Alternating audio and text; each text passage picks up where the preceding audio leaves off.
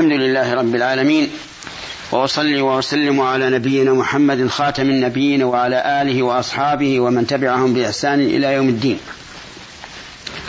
أما بعد أيها المستمعون الكرام نبتدئ هذه الحلقة بما انتهى بما انتهينا إليه في الحلقة السابقة وهي قول الله تبارك وتعالى قال رب اجعل لي آية. أي قال زكريا الذي بشر بيحيى ابنا له أن يكون لي آية نعم اجعل لي آية أي صير لي آية أي علامة. تزيدني طمأنينة بهذا الوعد الصادق. قال آيتك ألا تكلم الناس ثلاثة أيام إلا رمزا. أي أنك لا تستطيع أن تكلم الناس بدون آفة. كما قال عز وجل في سورة مريم ألا تكلم الناس ثلاث ليال سويا. فهو لا يستطيع أن يتكلم مع أنه لا آفة به. فالقادر على منع الكلام مع القدرة عليه قادر على أن يأتي بالولد على الكبر. أن لا تكلم الناس ثلاثة أيام إلا رمزا أي إشارة. واذكر ربك كثيرا وسبح بالعشي والإبكار. اذكر ربك بلسانك. فصار إذا خاطب الناس لا يستطيع أن يتكلم. وإذا ذكر الله ذكره بكلام فصيح. وسبح أي سبح ربك بالعشي والإبكار. العشي آخر النهار والإبكار أول النهار. ففي هذه الآية من الأحكام أنه لا حرج على الإنسان أن يطلب التثبت الذي تزيد به طمأنينته. وهذا كقول إبراهيم عليه الصلاة والسلام رب أرني كيف تحيي الموتى؟ قال أولم تؤمن؟ قال بلى ولكن ليطمئن قلبي. ومن أحكامها وفوائدها قدرة الله تبارك وتعالى. قدرة الله تبارك وتعالى حيث كان زكريا يتكلم بالتسبيح والذكر كلاما عاديا ومع الناس لا يستطيع أن يتكلم إلا رمزا. ومن أحكامها وفوائدها العمل بالقرائن. العمل بالقرائن. وجه ذلك أن الله تبارك وتعالى جعل لزكريا آية أي قرينة تدل على إمكان ما بشر به. والعمل بالقرائن ثابت.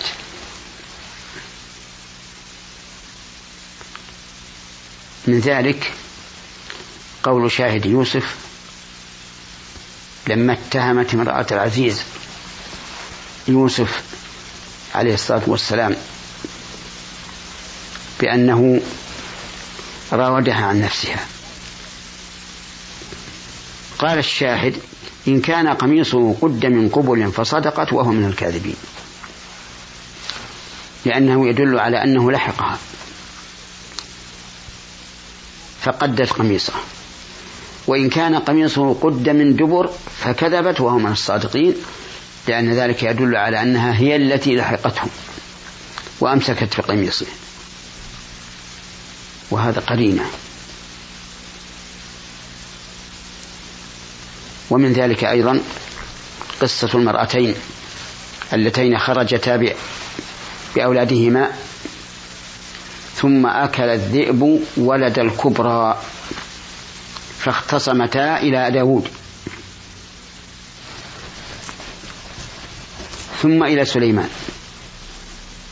وكان داود قد قضى به الكبرى أي بالطفل الباقي. فقال سليمان لا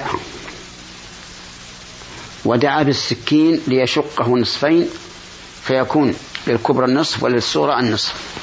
أما الكبرى فوافقت لأنه ليس ولدا لها فليس في قلبها رحمة الله وأما الصغرى فقالت يا, يا نبي الله ولها. فقضى به سليمان عليه الصلاة والسلام للصغرى. فآثرت أن يبقى الولد حيا ولا يكون معها. ومن فوائد هذه الآية الكريمة العمل بالإشارة لقوله تعالى ألا تكلم الناس ثلاثة أيام إلا رمزا. والإشارة المفهومة يعمل بها سواء كانت من أخرس أو من ناطق لأن المقصود الدلالة على ما في القلب. وهو حاصل بالإشارة كما هو حاصل بالعبارة. ومن فوائد الآية الكريمة وأحكامها الحث على كثرة ذكر الله عز وجل. وقد توافرت النصوص في ذلك. مثل قول الله تبارك وتعالى فإذا قضت الصلاة يعني صلاة الجمعة فانتشروا في الأرض وابتغوا من فضل الله واذكروا الله كثيرا لعلكم تفلحون. وكما في قوله تعالى والذاكرين الله كثيرا والذاكرات. وكقوله تعالى فإذا قضيتم مناسككم فاذكروا الله كذكركم آباءكم أو أشد ذكرا.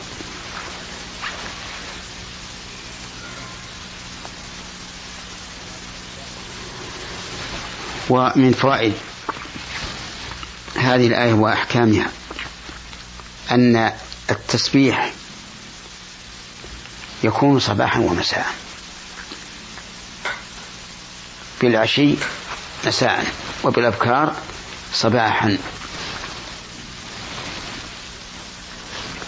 ثم قال الله تبارك وتعالى وإذ قالت الملائكة يا مريم إن الله اصطفاك وطهرك واصطفاك على نساء العالمين. وسيأتي إن شاء الله الكلام على هذه الآية وما بعدها في حلقات قادمة. والسلام عليكم ورحمة الله وبركاته.